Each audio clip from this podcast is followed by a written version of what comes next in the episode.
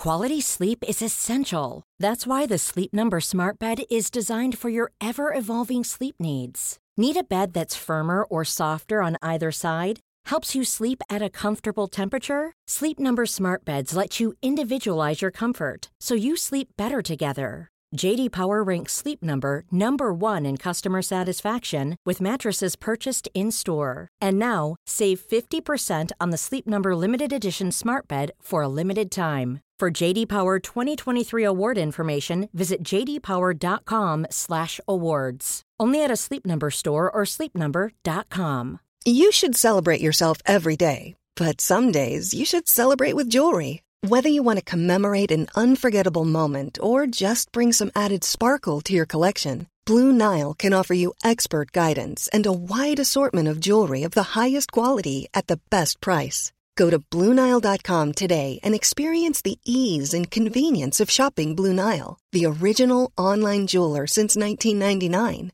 That's BlueNile.com. BlueNile.com. One size fits all seems like a good idea for clothes until you try them on. Same goes for healthcare. That's why United Healthcare offers flexible, budget friendly coverage for medical, vision, dental, and more. Learn more at uh1.com. Vi är denna vecka sponsrade av Indie Beauty. Och Sofie, det här tycker jag är extra fint och extra roligt. Ja men Indie Beauty är ju ett skönhetsvarumärke som jag tror att väldigt många känner till, men det jag älskar mest det är att Indie Beauty liksom vill vara mer än bara produkter, vilket de ju också är. Exakt, Indie Beauty står ju för Independent Beauty, skönhet på dina villkor och för din egen skull. Och Indie Beauty tror ju stenhårt på ett alternativt skönhetsideal fritt från måsten, skam och känslor av otillräcklighet. Där är jag helt med Indie Beauty. Jag med. Det är så jag vill att skönhet ska vara. Ja men verkligen. Och vet du vad som är nytt för i år Sofie? Berätta. Från och med i år så skänker Indie Beauty 1% av sin försäljning till Suicide Zero, Tjejzonen och Djurens Rätt. Så när man handlar produkter från Indie Beauty så kan man liksom känna att man också ger tillbaka till samhället. Ja, kraften i tillsammans. Ska jag säga en sak nu då, Mm. som jag, det, men det är detta jag är extra glad över. Nu har Indie Beauty tagit fram en keps och den tycker jag ändå så på sommaren, skyddar sig från solen. Jättebra, jag älskar kepsen. Men det bästa, de bidrar till Suicide Zeros viktiga arbete för att minska antalet självmord och självmordsförsök. Så för varje såld keps så går hela vinsten, 100 kronor, direkt till Suicide Zero. Då kan man liksom göra nytta både för samhället och sin hud på en och samma gång. Ja, och kepsen kostar 169 men alltså hela vinsten går då som sagt till Suicide Zero. Mm. Så om man vill göra skillnad när man är där ute i solen, nu när den börjar titta fram, då ska man välja den här kepsen. Den säljs exklusivt på indiebeauty.se och på Apotea. Tillsammans kan vi skapa en ljusare framtid. Vi ses med kepsarna på! Tack Indie Beauty. Vi är sponsrade av Mindler och som ni säkert vet sedan tidigare så är vi ju ute på psykologresan tillsammans. Men hur vet man egentligen när det är dags att söka hjälp? Ibland uppstår saker i livet som kommer utmana oss och kännas tufft. Det mesta självläker vi oss igenom, för vi är menade att ta oss igenom en viss mängd påfrestningar. Men ibland behöver man professionell hjälp för att ta sig ur jobbiga perioder i livet. Men vart går då gränsen? Vad är en del av livets skavighet och när är det läge att söka hjälp? Det sägs till exempel att stress är farligt, men att också kan vara bra. Alla sover dåligt ibland, så när har man egentligen sömnproblem? Ångesten kommer väl krypande för de flesta någon gång. Så när ska man se ångesten som outhärdlig? Hur vet jag? Med oss som psykolog har vi såklart min gamla psykolog Linnea Seidbrant. Men Linnea, vad är egentligen utmattningssyndrom? Utmattningssyndrom är en konsekvens av svår och långvarig stress utan möjlighet till återhämtning. Vi är ju då skapta för att klara av stress, men vi behöver också återhämtning. Om du utsätts för för mycket stress under en lång period utan att du får till den nödvändiga återhämtningen så kommer kroppen till slut att säga ifrån. Och det är faktiskt så att alla har en gräns. Du kan drabbas av en rad fysiska eller psykiska besvär som trötthet, sömnproblem, hjärtklappning, besvär från magen och tarmarna och mycket annat. Och det här är ju då varningssignaler och tecken på att du kan behöva göra någonting åt din situation. Annars så kan besvären utvecklas till att du mår så dåligt på sikt att du blir psykiskt och fysiskt utmattad. Ladda ner Mindler till din telefon och läs mer på mindler.se.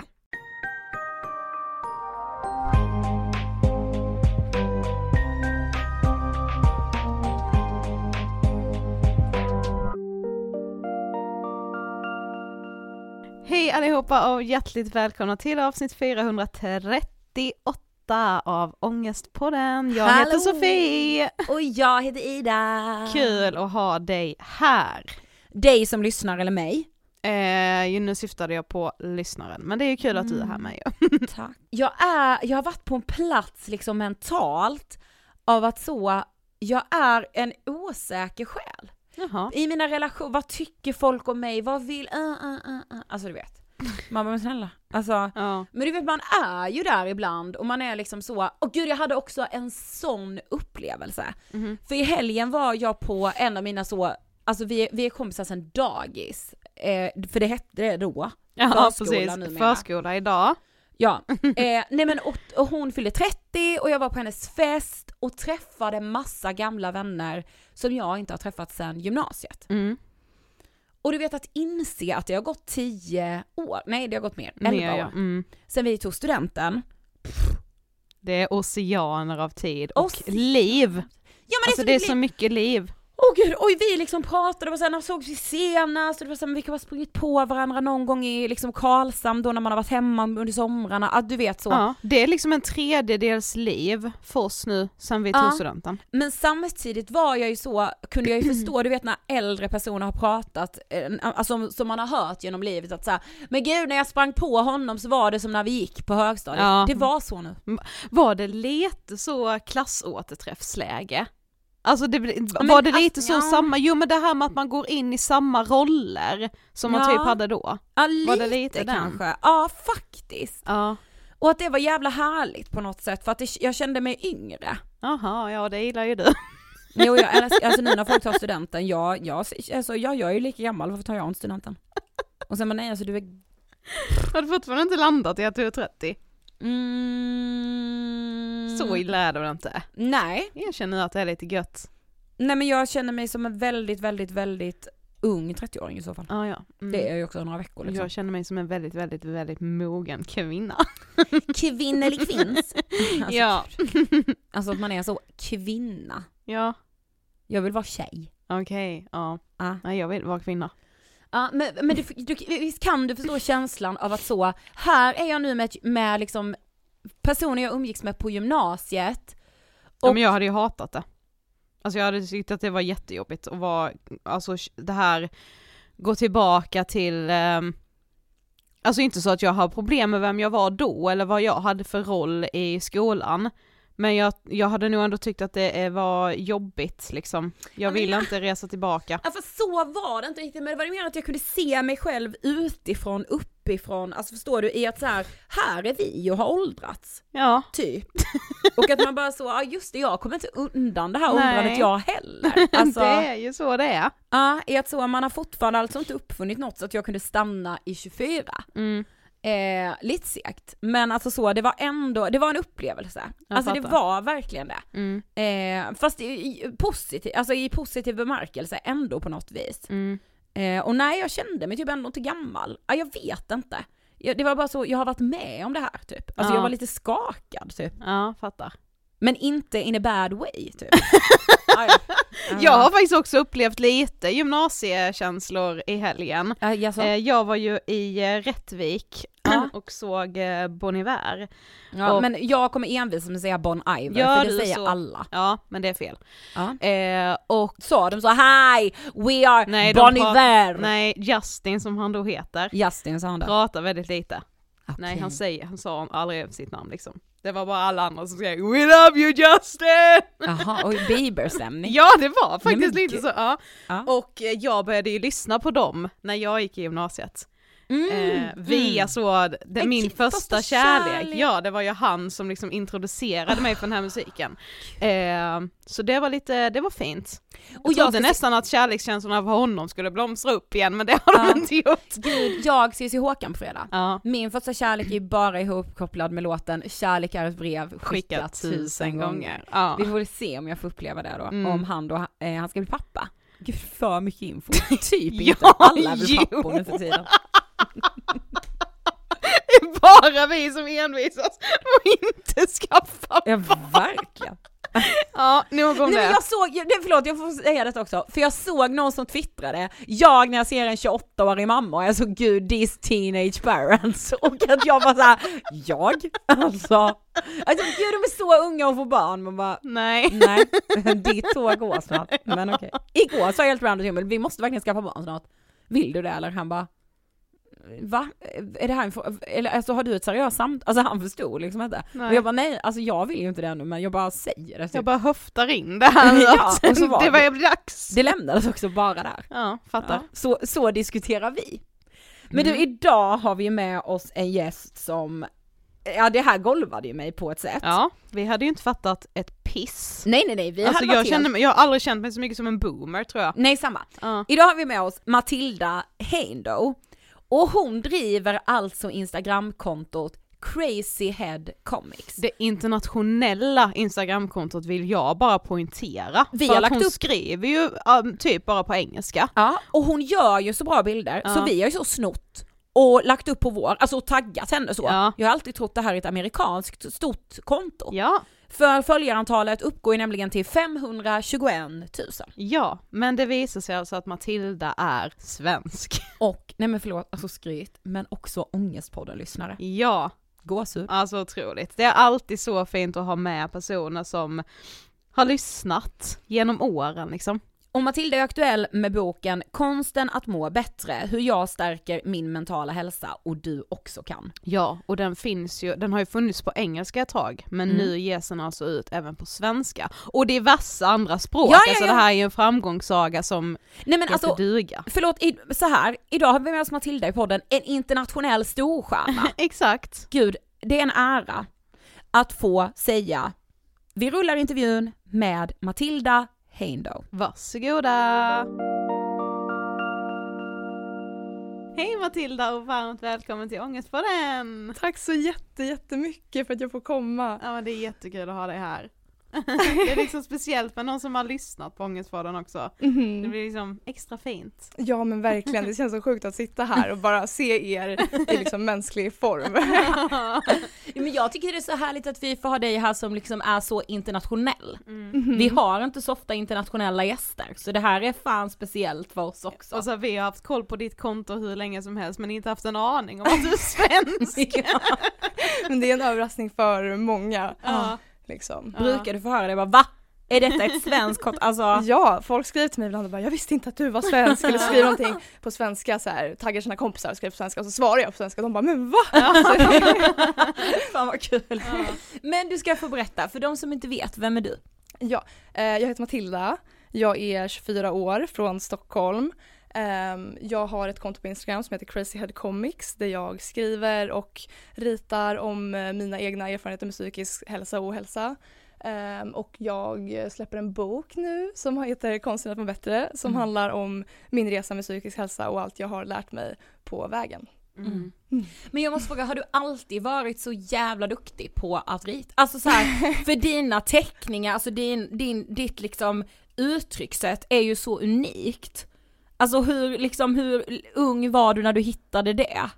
Jag har alltid ritat Ja. i hela mitt liv och jag var Mm. så här riktigt så här pysselbarn som alltid satt Åh, och ja. ritade och dagdrömde och så och eh, gick bild och form på gymnasiet Mm. och så.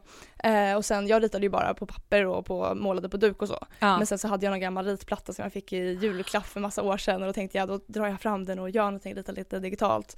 Eh, ja och så ville jag typ ha någonting jag kunde göra så på Instagram, jag ville ha lite projekt så jag kunde lägga upp saker och då tänkte jag att då ville jag att det skulle handla om psykisk ohälsa. Ah. Så det var typ så det började liksom. Men vad tänker du på när du hör ordet ångest?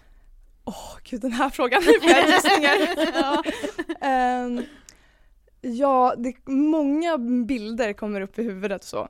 Eh, om jag skulle beskriva min ångest så är det typ som en varningsklocka fast min är typ överaktiv och Mm. eh, lite paj. Mm. Så den bara går igång hela tiden.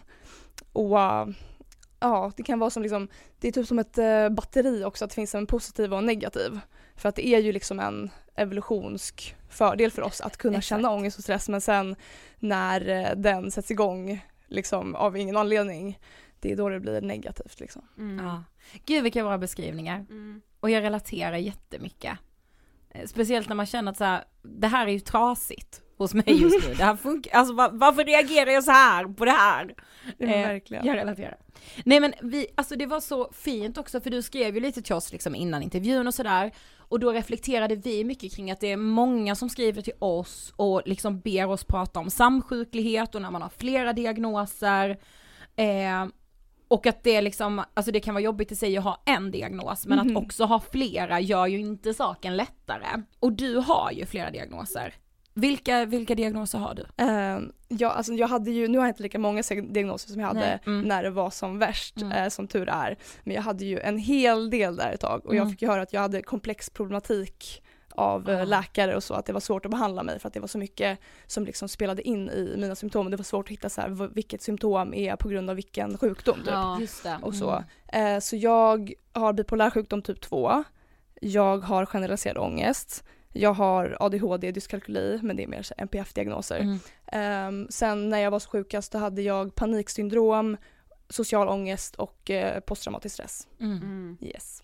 Så ganska många. Men jag tror väldigt många som lyssnar kan relatera till det du säger, att man får höra från vården att så här, ja men du har väldigt komplex problematik. Och man är Precis så här, det man vill höra när man försöker hjälp om, liksom. om man är så tack, eller liksom, Ja. vad ska man säga? Ja. Att så här, Ja. jo jo, jag bryr mig inte, kan ni hjälpa mig? Liksom. Men också lite så, jag Mm. förstår att det kan vara komplext men behöver man lasta patienten med det Ja. Ja. liksom?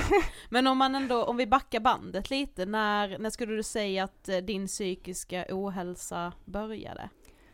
Eh, ja du, alltså jag har alltid haft mycket ångest. Eh, och det har varit typ ett normalläge för mig att jag var alltid väldigt så här, orolig när jag var liten och det var väldigt så här, internt också inom mig själv att jag kanske verkade ganska chill och lugn eh, och lite dagdrömmig och så men sen så var, hade jag jättemycket ångest och var jätterädd för saker och verkligen kände så här, jag typ såg mycket faror i allting. Mm. Eh, så jag tror att, jag, att min ångest liksom är typ medfödd.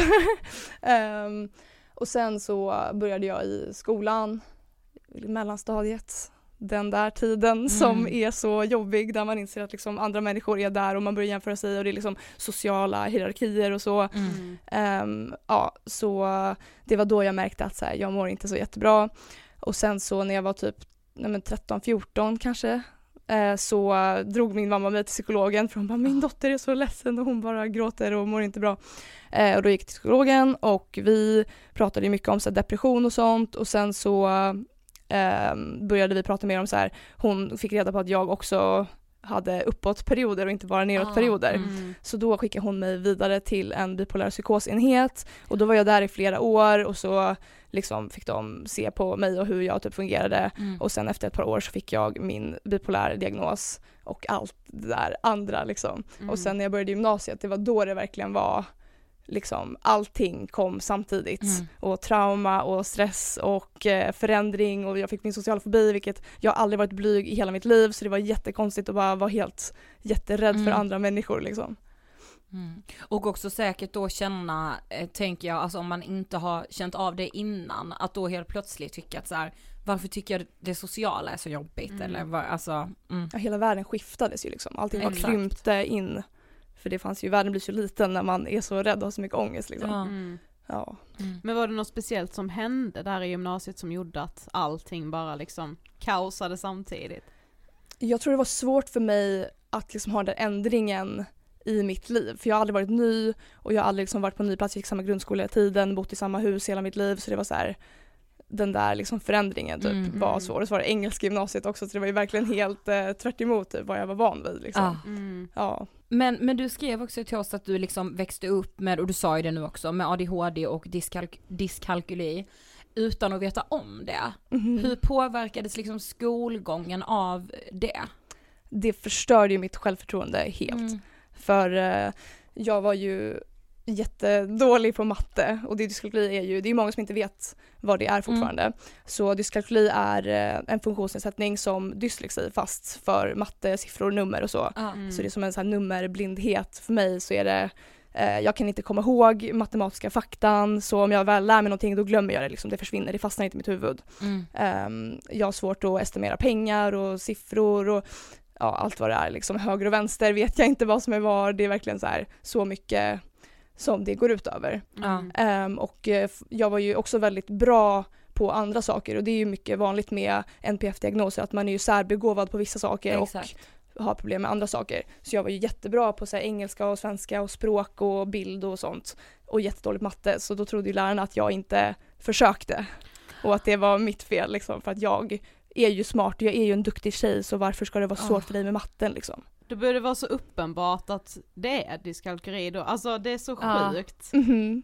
Men på vilket sätt skulle du säga att det påverkade din skolgång? Jag kände ju att jag var helt dum i huvudet liksom och att jag, var inte, att jag inte var smart. Mm. Ja. Ehm, och det var ju barnen i skolan var ju, fattade ju också att jag inte var så smart. Jag satt ju och grät i trean så här på matten och bara nu bara nu är det matte och bara hur hör man mig så här Ah. snyfta i hörnet liksom, för jag hade så mycket matteångest också för det var verkligen ångest liksom Mm. eh, och känna att man inte förstår liksom och att inte få någon hjälp med att varför man inte förstår och så. Exakt. Mm. Ja och sen var det en gång jag aldrig kommer glömma i typ trean då hade de någon så här extra lektion, jag tror de satte den bara för mig fast de sa att det var för den som ville, de som Ah. inte kunde klockan läsa Ah. en analog klocka, det kan Mm. inte jag fortfarande, det är så svårt för mig att Mm. förstå tiden som ett koncept typ. Ja. Så då kommer jag ihåg att killarna i klassen viskade och bara nej men Matilda, kan inte hon klockan? Och jag bara, kan inte jag klockan? Så det var verkligen jobbigt liksom. Ja, Ja. gud. Men ja precis, för jag tror med alltså dyslexi känns som att man liksom har hört Mm. om sen man var liten. Mhm. Alltså dyskalkyli, det har, hörde jag ju första gången för typ så tre år sedan. Mm. Och kan ju då också inse människor som jag till exempel har gått i skolan med, som jag sa det är så tydligt att den personen hade det. Mm. Men inte fick den hjälpen som krävdes. Mm. Eh, men kunde du känna att du lastade dig själv då för det här? Ja gud ja. Mm. Verkligen. Och jag fick ju, det var jag som tog reda på att jag hade dyslexi också. Ehm, för jag var i Grekland en sommar på semester och så hade var vi i lobbyn och så var det en tidning på svenska, någon random liksom, tidning. Och sen bläddrade jag igenom den och då såg jag en liten, liten artikel på sidan av tidningen där det stod så här dyskalkyli, inte en siffra rätt. Och jag bara, vad är det här för någonting? Och jag bara, mamma kolla, för mamma har också dyskalkyli. Ah, så hon läste den också och Ah. bara, Åh, men gud det där är ju vi! Ah. Så ja, då sa ju hon direkt att nu ska vi utreda det här så fick jag Ja. gå till en logoped och utreda det och det var när jag var typ 14 tror jag. Så Mm. hade jag gått liksom nästan hela grundskolan utan att veta om det liksom.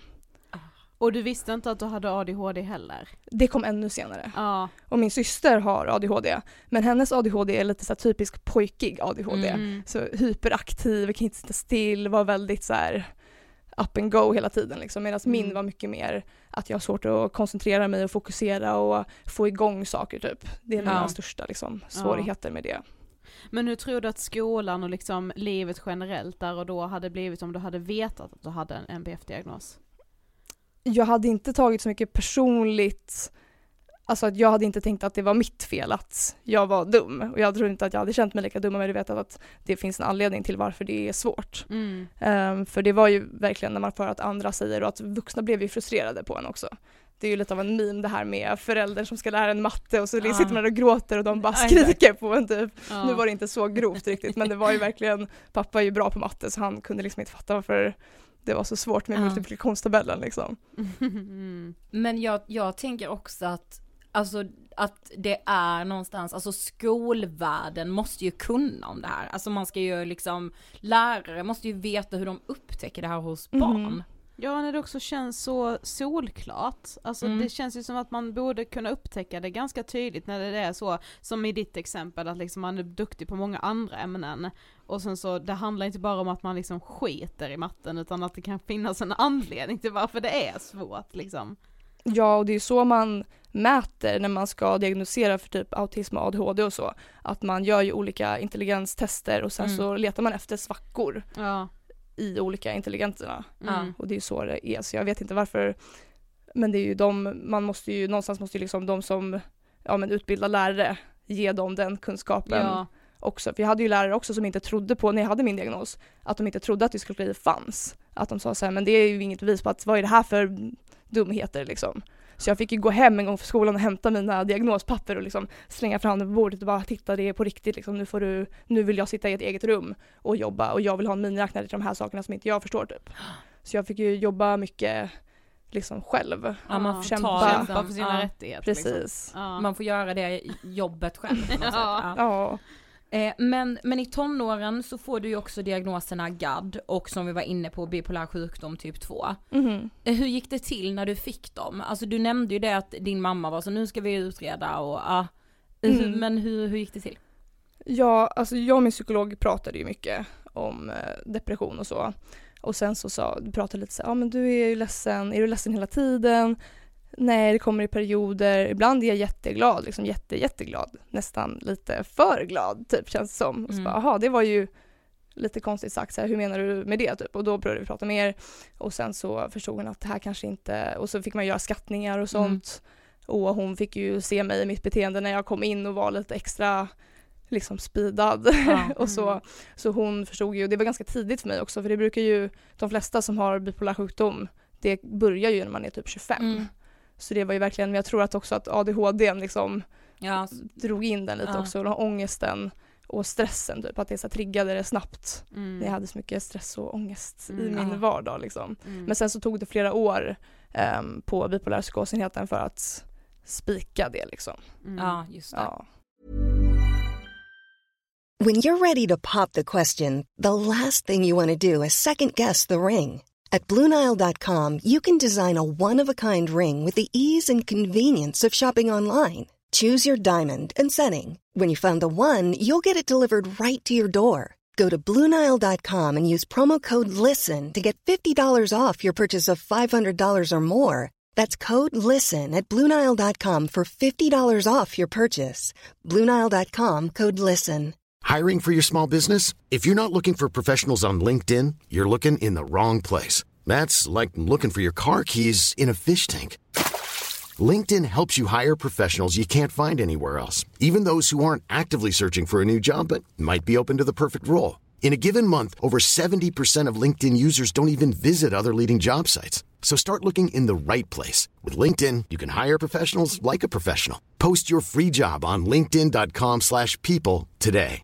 Quality sleep is essential. That's why the Sleep Number Smart Bed is designed for your ever evolving sleep needs. Need a bed that's firmer or softer on either side? Helps you sleep at a comfortable temperature? Sleep Number Smart Beds let you individualize your comfort so you sleep better together. JD Power ranks Sleep Number number 1 in customer satisfaction with mattresses purchased in-store. And now, save 50% on the Sleep Number limited edition Smart Bed for a limited time. For JD Power 2023 award information, visit jdpower.com/awards. Only at a Sleep Number store or sleepnumber.com.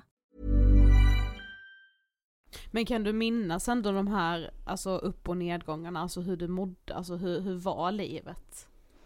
Ja, livet var ju väldigt som en berg och dalbana av Mm. känslor. Liksom. Jag trodde det var helt normalt att alla kände sig, alltså att alla kände så mycket hela tiden liksom. Ja man har ju inget att jämföra med så hur ska man veta liksom att ingen Ja. annan, alltså. Precis, och när man så mår bra, då känns det ju som att det är bra att man ska må så bra. Och så Ja. gud att jag kan bli så glad och att jag är så duktig när jag är så glad och jag har så mycket energi och jag pratar så mycket och jag är så utåt. Mm.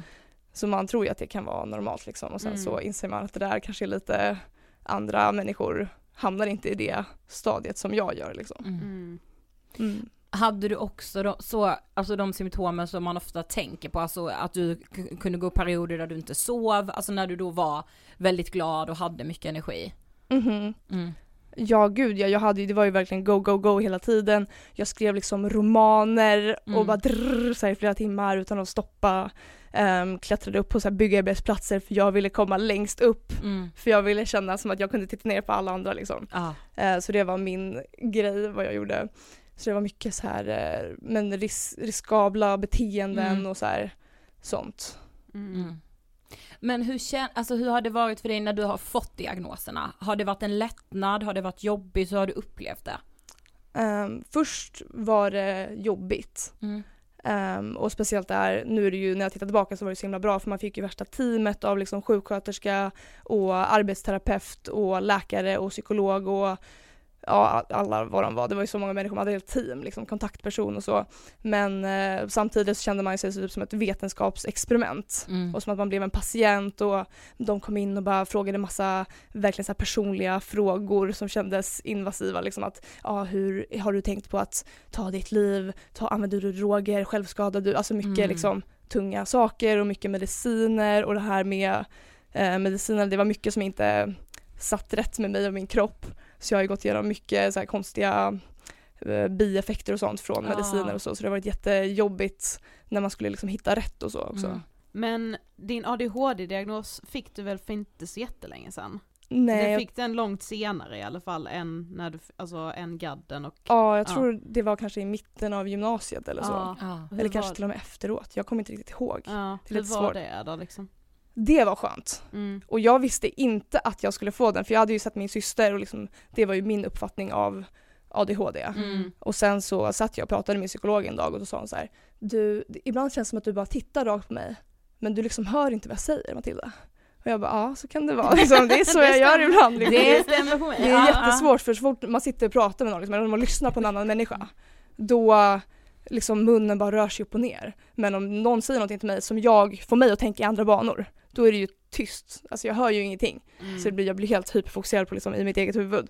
Eh, och då bara, det är ju ett typiskt här, klassiskt tecken för ADHD. Liksom. Jag Mm. tycker du har många ADHD-symptom som jag har märkt. Och jag bara nej, det var det dummaste jag hört. Mm. Sen bara, men jag, vi kan väl göra det liksom på skoj typ. Jag Ah. tycker om att göra tester och sånt, det är kul. Mm. Och så gjorde vi det och sen bara, du har så himla klassisk ADHD. Och jag bara oj oj. ja.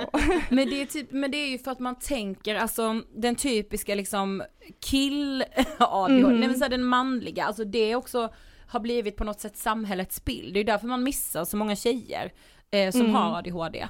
ja, man trodde ju bara att det var killar som kunde ha ADHD och typ autism förut. Mm. Exakt. Så det är ju bara liksom, allting med medicin är ju bara fokuserat på killar och baserat på killar och killars kropp och killars hjärnor. Ja. Exakt. Ja. Och typ all forskning på ADHD har också Ja. gjorts på män. Så att, eh, ja. Så, nej, Perfekt. Ja, exakt. Ja. Nej men man blir ju liksom vansinnig när man Mm. tänker på det. Mm. Men, men du skrev också till oss att du liksom har mycket tankar kring just NPF och eh, om hur svårt det är att, alltså vi, vi tog ett citat som vi tycker, tyckte var så bra, eh, att hitta sin plats i en värld som är ovälkomnande för oss med annorlunda hjärnor. Eh, alltså på vilket sätt, eller liksom när kan du känna dig ovälkommen? Ehm, ja men i skolan, speciellt som en som inte visste om. Jag tycker det är typ ett trauma att ha växa upp och vara annorlunda och inte veta om det. Mm, Ehm, när man väl tittar tillbaka på hur liksom jobbigt det var och den här jämförelsen med andra barn och varför reagerar jag så här och varför har jag så svårt med stress och varför bryter jag bara ihop så här och liksom är så känslig typ. Mm. Att det kändes som att allting bara var fel med mig. Och sen typ sättet skolan fungerar tycker jag inte fungerar för barn med NPF. Och det, det är ju så här, jag har jobbat också som eh, så här, elevassistent och så Mm. eh, i särskola som jag tror heter utvecklingsskola nu. Att man kallar det Ja. för det istället nu. Ja. Ja, Ja. precis. Man säger i alla fall inte så här Ja. så Nej, länge. ja, nej, de ändrade ju det. Ja, men Ja. jag tror Ja. det stämmer. Ja. Mm. Men så hette det när jag liksom Ja, var precis. där. Ja. Ehm, och då märkte man ju också på det att det finns ju en anledning till att de här barnen liksom får gå i andra klasser. Och nu kan man tänka tillbaka och undra om jag skulle ha mått bra över liksom att gå i en liten klass med mer stöd Mm. och så. Ehm, så jag tycker det är mycket som inte funkar. Och sen på jobbet också när jag började jobba, för det, man tänker ju mycket på så här barn med NPF, men sen vuxna med NPF. Det är ju exakt samma svårigheter med struktur och planering och allt vad det är. Så det var ju också jättejobbigt för mig att gå till jobbet varje dag och vara där samma tid och samma stund och ge 100% varje gång. Mm. För det är någonting som är liksom onåbarligt för mig. Ja. Mm. Ja det är också lite som att om man får eh, ADHD eller en NPF-diagnos i vuxen ålder så, vilket ju många får, alltså många får ju NPF-diagnos väldigt sent och då ska man liksom, eftersom man är vuxen så förväntas man ändå kunna hantera en diagnos och eh, då medicinering och allting som hör där till bara för att man är vuxen liksom. Mhm. Men så behöver det ju verkligen inte vara. Nej gud nej. Och sen när jag var, började jobba, vad var man då, liksom 18-19? Mm. Ja. Jag är inte vuxen som 18-19. jag Nej, vet inte ens om jag är vuxen nu. Nej men snälla. Nej snälla Jag vi är fyller, 30. ja, jag fyller 30 om så fyra veckor, jag är så barn. Alltså jag är Ja. ett barn. Vill i alla fall Ja, vara exakt. barn ibland. Ja, gud, Men ja. du skrev också till oss att du har blivit diagnostiserad med PTSD. Mhm. Vill du berätta om det?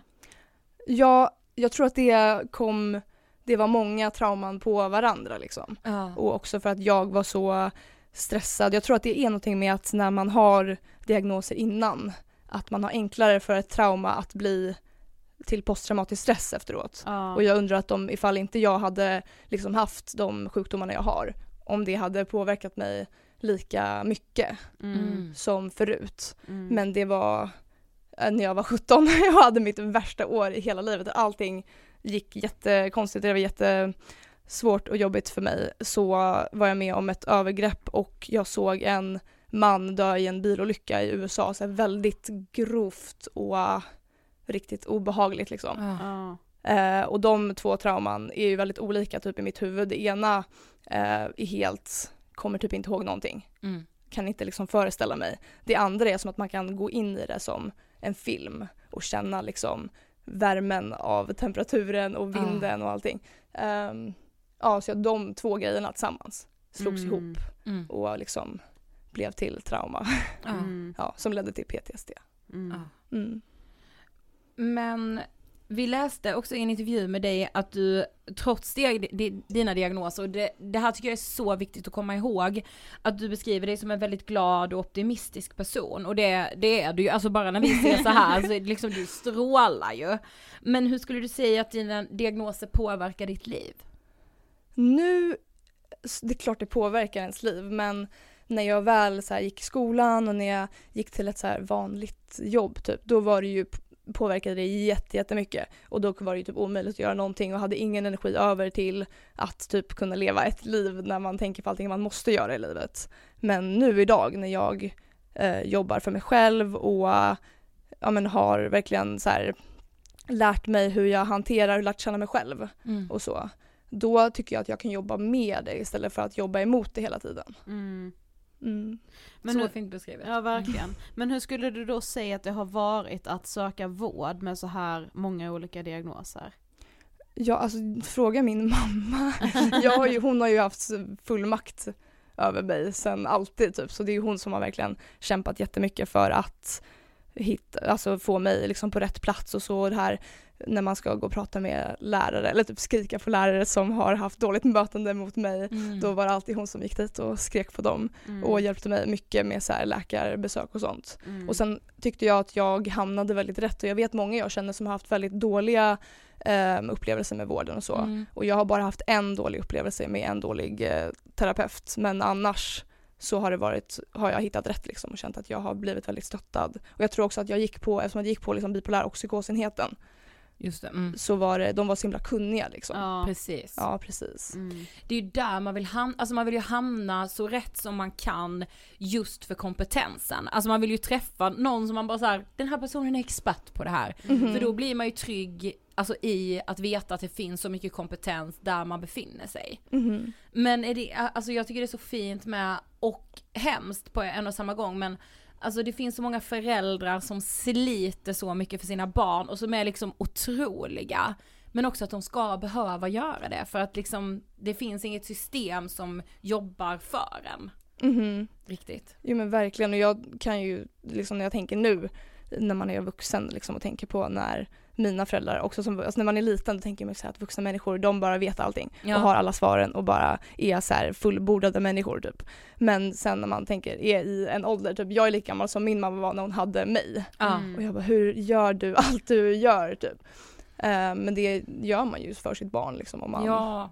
Ja, men det är ju såklart var ju jättepåfrestande för henne och pappa också att liksom behöva kämpa med det här och det var inte någonting de skulle ha behövt göra egentligen. Nej, för vården precis. borde ju liksom erbjudas till en, speciellt när man är psykiskt sjuk och inte liksom orkar. Mm. Och så ska man kämpa för att få någon vård, då är det nästan enklare att bara liksom sitta med det och bara nej jag orkar liksom inte. Nej det är också Exakt. skitsvårt att veta vad man ens har rätt till liksom. Det är jättesvårt att hitta typ psykolog känns det som. Ja. Och jag har ju många kompisar, typ min, jag har en bästa vän som, jag har sagt det till henne, du har ADHD liksom. Jag har som min ADHD liksom läsare. Ja. Mm. Jag kan alltid pricka när någon har ADHD, jag bara du har värre ADHD än mig.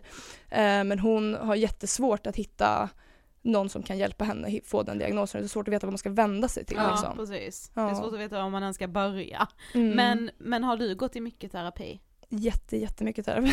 Mm. Jag, blivit, typ- jag säger att jag har blivit uppfostrad i terapin typ. Och när folk säger, speciellt när jag började med min Instagram, så var jag typ 20 tror jag. Och så sa folk typ, är du bara 20 men du är så, du är så vis, jag tror du var så mycket äldre. Jag bara, ja det är terapin. Ja. ja. Men ja, vad har du tyckt om terapi? Alltså hur har det varit? Kan du minnas din första gång i terapi? ja, det kan jag minnas. Och jag skriver nog lite om det i boken, eller det, det var så länge sedan nu, jag var ju typ Ja. 12-13 så det var ju, eh, men det var i första centrum hos en terapeut som var ganska ganska så här lite svår att avläsa, hon var lite läskig typ. Mm. Eh, men sen så fick jag henne att skratta någon gång och då värmde hon sig upp lite så. Eh, ja, och jag kommer ihåg något jättefint, eh, jättefint kontor som man kunde se jättefin utsikt ut och jag, jag tyckte det bara det var roligt typ att vara i terapin. Jag tycker det är roligt att prata om mig själv och typ mina känslor. Ja. Och jag har aldrig haft något problem med att jag har haft problem med att prata om mina känslor med folk jag känner. Det tycker jag är Ah. världens jobbigaste grej i typ hela världen. Och jag skulle aldrig säga någonting till om jag typ mådde dåligt. Jag skulle typ aldrig gå till mamma och bara “mamma jag mår inte bra” typ. Man får liksom dra det ut mig. Och Mm. mina kompisar säger det också att så här, Matilda säger aldrig när hon mår dåligt, man får höra det typ efteråt, långt efteråt får man höra om hon har mått dåligt typ. Man ser Men- någon bild på Insta som bara är Ja. illustrerat. Ja men precis, hon bara “Matilda mår du bra?” typ. Jag bara “ja men läs inte det där, det är inte till dig” liksom. Ja. Men med en terapeut så känner jag mig så trygg i att de, så här, det är deras jobb Mm. att sitta och lyssna på mig typ. Så jag blir van med det att så här, när jag ska prata om mina känslor känns det bäst att prata med en terapeut om det istället för någon jag känner. För jag Mm. terapeuten vet vad de ska svara. Mm. De andra blir, det kan ju vara lite obekvämt också för andra människor. Och jag har märkt det också att det är, vissa vet inte vad de ska säga liksom om man säger att man mår dåligt. Och då mår man typ sämre för att man känner att de mår dåligt nu, att de är obekväma. Mm. Ja. Men vad skulle du säga att terapin har betytt för dig? Alltså det har ju lärt mig typ allt om hur jag ska leva för att liksom må bra. Mm. Eh, och bara känna att det så här, finns någonstans där man kan gå till och bara prata ut. En liten trygg plats där man kan Mm. säga vad som helst. Och, för om man kan ju, då kan man ju verkligen prata om allt. Eh, på sättet som man kanske inte känner att man kan prata med, med dem man känner ibland. Speciellt om det handlar om saker om dem man känner. Mm. Så är det ju så här bättre att säga det i terapin tycker jag. Mm. Ja men och jag tycker det är så sunt också som man ska komma ihåg är att så här, alltså en terapeut eller en psykolog, som du säger, det är deras jobb. Eh, och att man så får landa i det lite, att så här, men här, det här är en timme för mig nu, eller liksom den här avsatta tiden är för mig och mitt mående. Mhm. Eh, så brukar jag också, eller jag vet liksom att jag har försökt förhålla mig så till de gångerna jag har gått i terapi också. Att så här, men det här är ju min tid nu, det här är den här personens jobb. Och det är också ganska skönt.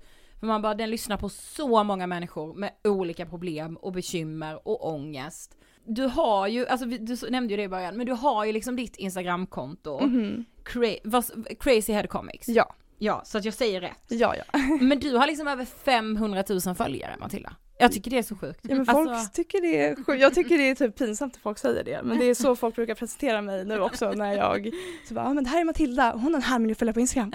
Jag, så jag tycker det är jättejobbigt. Får bara ångest när folk säger det. För det känns så, också lite dyskalkyli att det är lite läskigt när det är så många människor. Det är så stort Ah. nummer, jag kan inte riktigt förstå. Ja. Men hur Ehm, kom, alltså hur fick du idé, alltså hur kom det sig att du startade kontot?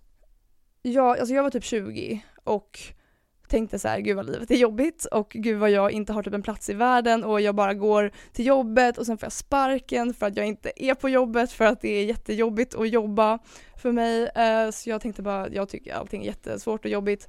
Eh, och sen så, så har jag ju sett, det är ju som en grej liksom på Instagram, en liten nisch där man har så här, ja, men content för psykisk hälsa och lite Exakt. gulliga illustrationer och sånt och då såg jag det och så tänkte jag det borde jag också göra, lite teckningar och så. Det var ganska nytt också kändes som så jag kom in där liksom i det spacet typ när det väl tog fart typ. Mm. Och det var också där typ body positivity movementen startade också så det var verkligen så här tiden att börja med det typ. Och sen växte det jättesnabbt på en gång.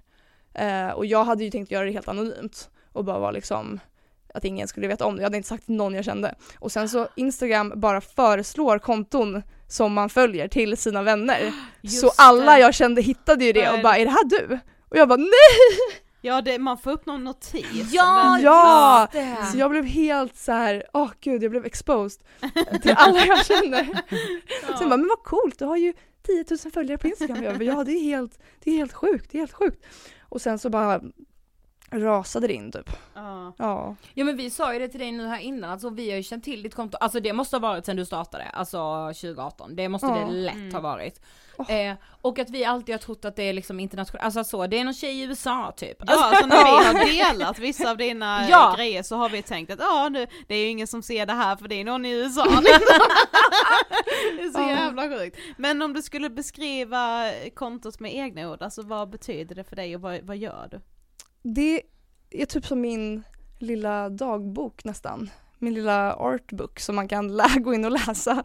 Ehm, och jag har ju byggt upp som ett litet, en liten gemenskap, ett litet community eh, med massa människor från liksom hela världen i typ alla olika åldrar och eh, jag ritar en liten teckning som handlar om något ämne som jag Ja, men så antingen utgår jag från liksom min egna psykiska hälsa eller så försöker jag göra någonting lite mer så här infografiskt, Mm. eh, kunskapsbaserat.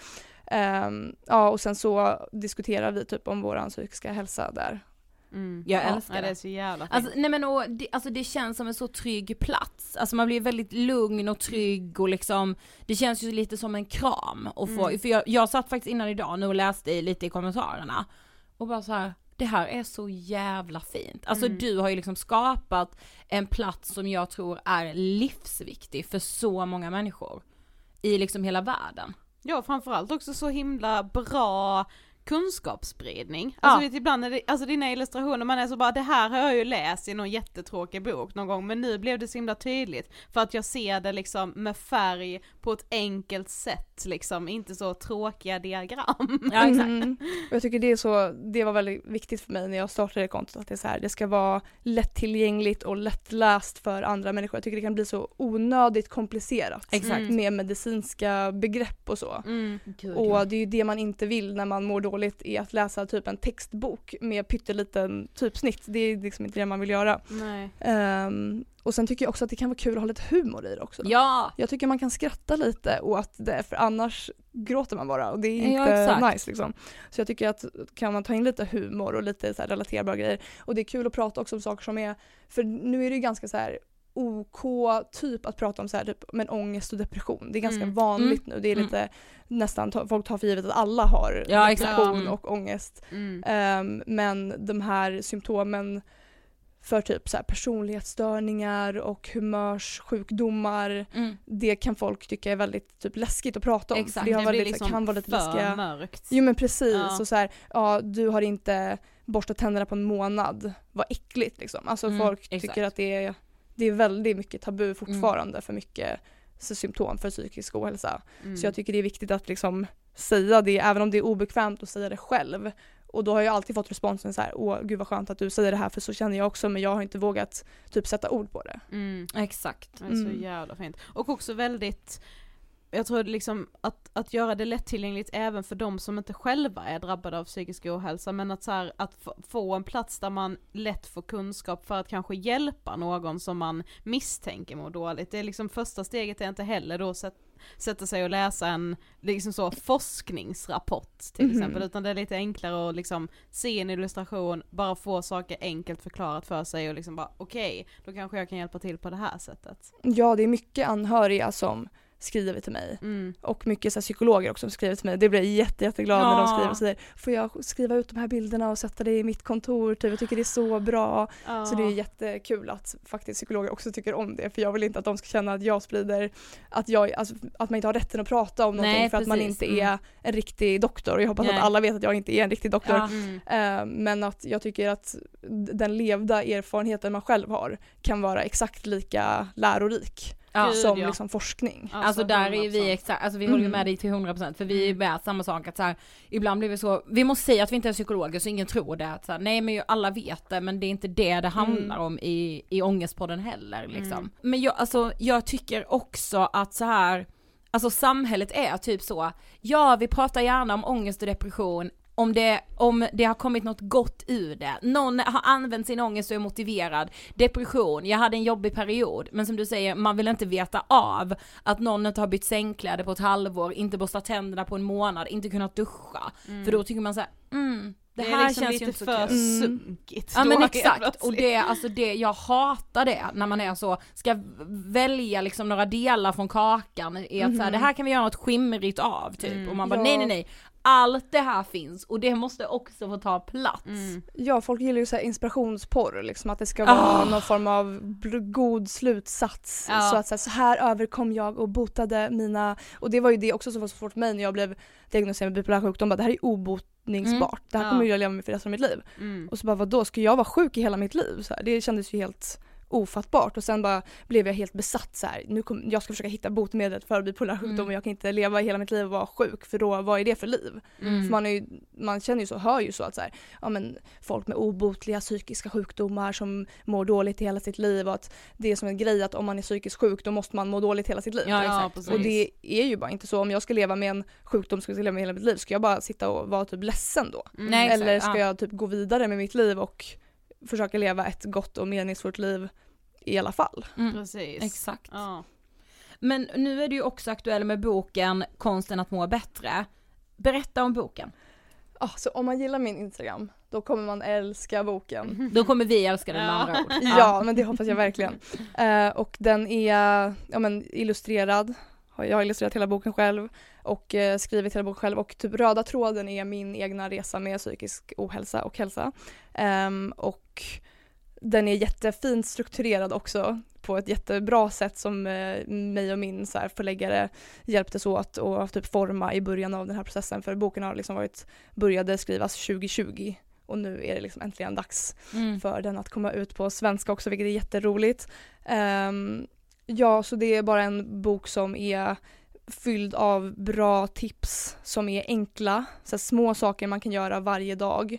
Och jag tycker den förklarar koncept och så som är ganska så här, ja men så här svårförstådda koncept på ett ganska Mm. enkelt sätt.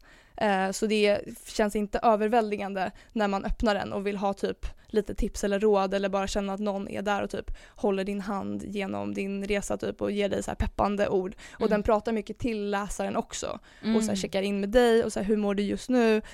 Dra ner axlarna, ta ett djupt andetag nu. Liksom går vi in i det. Ehm, ja, och sen är det ju baserat på liksom mina egna erfarenheter och så. Så ja, Mm. jättefin och fylld av färg och så, så jag hoppas verkligen att ni kommer gilla den sen. när Ja, säkerligen. Men i beskrivningen av boken så står det Den här boken hjälper dig att göra din inre kritiker till en nära vän. Hur gör man det? Alltså har du några tips utan att spoila hela boken? Ja, den här inre kritiken alltså. Ja. Mm. Ja, ehm, för mig så har ju jag levt med en liten röst i mitt huvud som är min inre kritiker som säger att jag är dålig och att allting är fel och att det kommer bli fel och det är så himla enkelt att hamna i liksom det negativa i tankarna och ju mer man tänker en tanke desto djupare blir det som en stig i din hjärna typ att den och så gås, man, gås det på den stigen mer och mer och mer. Mm. Ehm, så vad man måste göra är att tänka en ny tanke och försöka verkligen, alltså jag har jobbat i flera år på att skifta hela mitt tankesätt från negativt till positivt. Mm. Och det gör man ju genom små saker varje dag, typ att man har en negativ tanke, nu kommer allting gå fel. Då får man liksom, varför tänkte jag det? Hur kom den tanken in? Har jag något bevis på att det kommer bli så? Mm. Har det blivit så förut? Om det blir så, vad gör jag då? Finns det någonting positivt man kan göra åt det? Finns det liksom en positiv slutsats som man kan dra istället för det? Typ? Så det är my- mycket små tweaks man kan Ja. göra till sina egna tankar för Mm. att liksom tänka bättre. Och det är ju typ en, alltså optimism för mig är ju en muskel som man måste träna på Ja. varje dag liksom. Ja, alltså jag tror att på tal om den här så inspirationsporren som du också nämnde, den gör att man glömmer bort att det här är liksom en färskvara så man måste hela tiden, lika mycket som man måste träna sina fysiska muskler så måste man också träna hjärnan på Mhm. att liksom så, ja men tänka de här positiva tankarna istället, eller i alla fall lära sig reflektera över, okej nu tänkte jag, nu var det min inre kritiker som pratade här, varför gjorde den det? Kan jag tänka om på något sätt? Alltså det måste man också ständigt öva på liksom. Mhm. Annars så har man trampat upp den där negativa stigen och så är det där man hamnar hela tiden. Ja, och bara att här, tänka att det här är inte liksom jag som säger det till mig själv. Att ge det liksom ett annat namn Mm. kan hjälpa mycket och känna att man inte är sina egna tankar, för det är man ju inte. Nej. Och allt man tänker liksom behöver inte vara sanning. Nej, precis. Mm. Så jävla sant. Ja, nej men det, och det är så viktigt, alltså så ofta man också glömmer det och behöver påminna sig. Mm. Just där, vänta nu, allt du tänker är inte lika med sanning. Alltså första gången min psykolog sa det till mig var det mindblown. Mm. Jag bara, va? Att jag tänkte bara, för eftersom jag alltid har trott att allt jag tänker är lika med sanning, bara nej, det är inte det. Och redan där är det ju ganska skönt för man bara, just det. Mm. Ja, det är så sjukt att hjärnan gör så ens. Att man Exakt. tänker sakerna man tänker ibland. Så tänker man så här, varför tänkte jag det där precis? Vad är det för Ja. sjuk tanke som kom nu? Men det är ju bara tankar och man, det behöver inte alls liksom vara på riktigt. Liksom, det man. Nej, precis. Men jag måste fråga dig en sak som vi, vi får ofta den här frågan för att folk känns så eh, rädda för att ta i de här frågorna om ångest och psykisk ohälsa och så. Vad är det bästa tycker du med att få jobba med de här frågorna? Jag tycker det är väldigt givande när någon annan kommer till mig och säger det är som att du har läst min dagbok och lagt upp det på din Instagram typ. Och så här, jag visste inte att någon annan kände så här. Mm. Det är ju jätte, jättegivande och sen också att när folk säger så här, du har satt ditt ord på någonting som jag har känt men jag har inte kunnat sätta ord på själv. Mm. Så jag tycker det är lite min, så här, vad jag är bra på. Är det där att så här, sätta ord och bild till ett liksom, konstigt koncept man har i huvudet som är svårt att sätta ord på. Mm. Då har vi kommit till sista frågan. Vad inspirerar dig? Jag blir inspirerad av människor och när jag ser människor vara, liksom, ta hand om andra och forma gemenskap och jag menar, så här, att värna och ta hand om andra människor. Mm. Ja. Fint. Tack så jätte, alltså tack för allt du gör, för ditt instagramkonto, för din bok som kommer och för att du vill gästa Ångestpodden. Ja, men tack för att jag fick gästa Ångestpodden. Det var verkligen bucket list som nu kan jag checka den liksom. Åh, vad fint. härligt. Ja. Tack. Jag älskar att göra de här intervjuerna Sofie, där det också är liksom, där det har varit mycket psykisk ohälsa, men där det också har liksom funnits vägar att hantera det. Det har varit jävla kämp. Mm. Men så sitter Matilda här och berättar om det, hon driver det här kontot. Hon har, nej alltså jag vet inte, jag blir så jävla inspirerad. Ja verkligen jag också, så fint. Tack så jättemycket Matilda för att du vill gästa Ångestpodden och så fint att det var liksom så en bucket list grej för dig, för det blev det ju för oss också när vi fick reda på vem du faktiskt är. Ja, nej men alltså förlåt men en ära, vi är så glada för det. Ja och att vi så har blivit vänner. Mm. Wow. Otroligt. Ja det är faktiskt otroligt. Nästa vecka kommer vi faktiskt berätta en väldigt rolig sak. Gud, men nervös också. Mm, såklart. Men, det, men det är som en midsommarpresent eh, till er. Och ni kommer behöva ge oss en midsommarpresent i retur. Kan man så säga skulle så? man kunna säga. Ja. Mm. Spännande. Ja, alltså. Med det dinglandet säger vi hej då för idag. Det gör vi och så hörs vi precis som vanligt nästa vecka. Yes. Hej då! Hej då!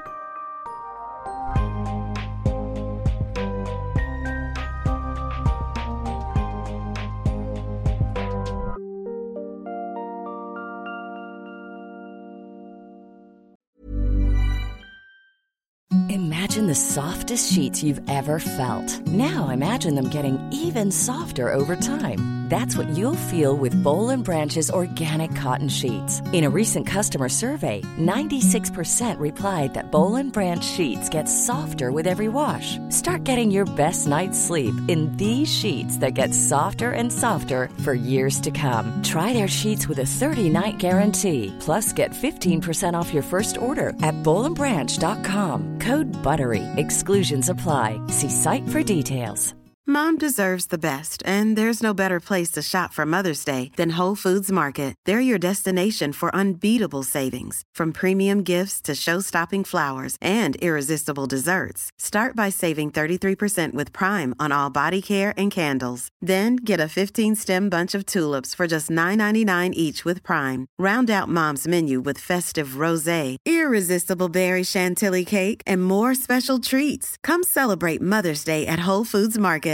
Imagine the softest sheets you've ever felt. Now imagine them getting even softer over time. That's what you'll feel with Bowl and Branch's organic cotton sheets. In a recent customer survey, 96% replied that Bowl and Branch sheets get softer with every wash. Start getting your best night's sleep in these sheets that get softer and softer for years to come. Try their sheets with a 30-night guarantee. Plus, get 15% off your first order at bowlandbranch.com. Code BUTTERY. Exclusions apply. See site for details.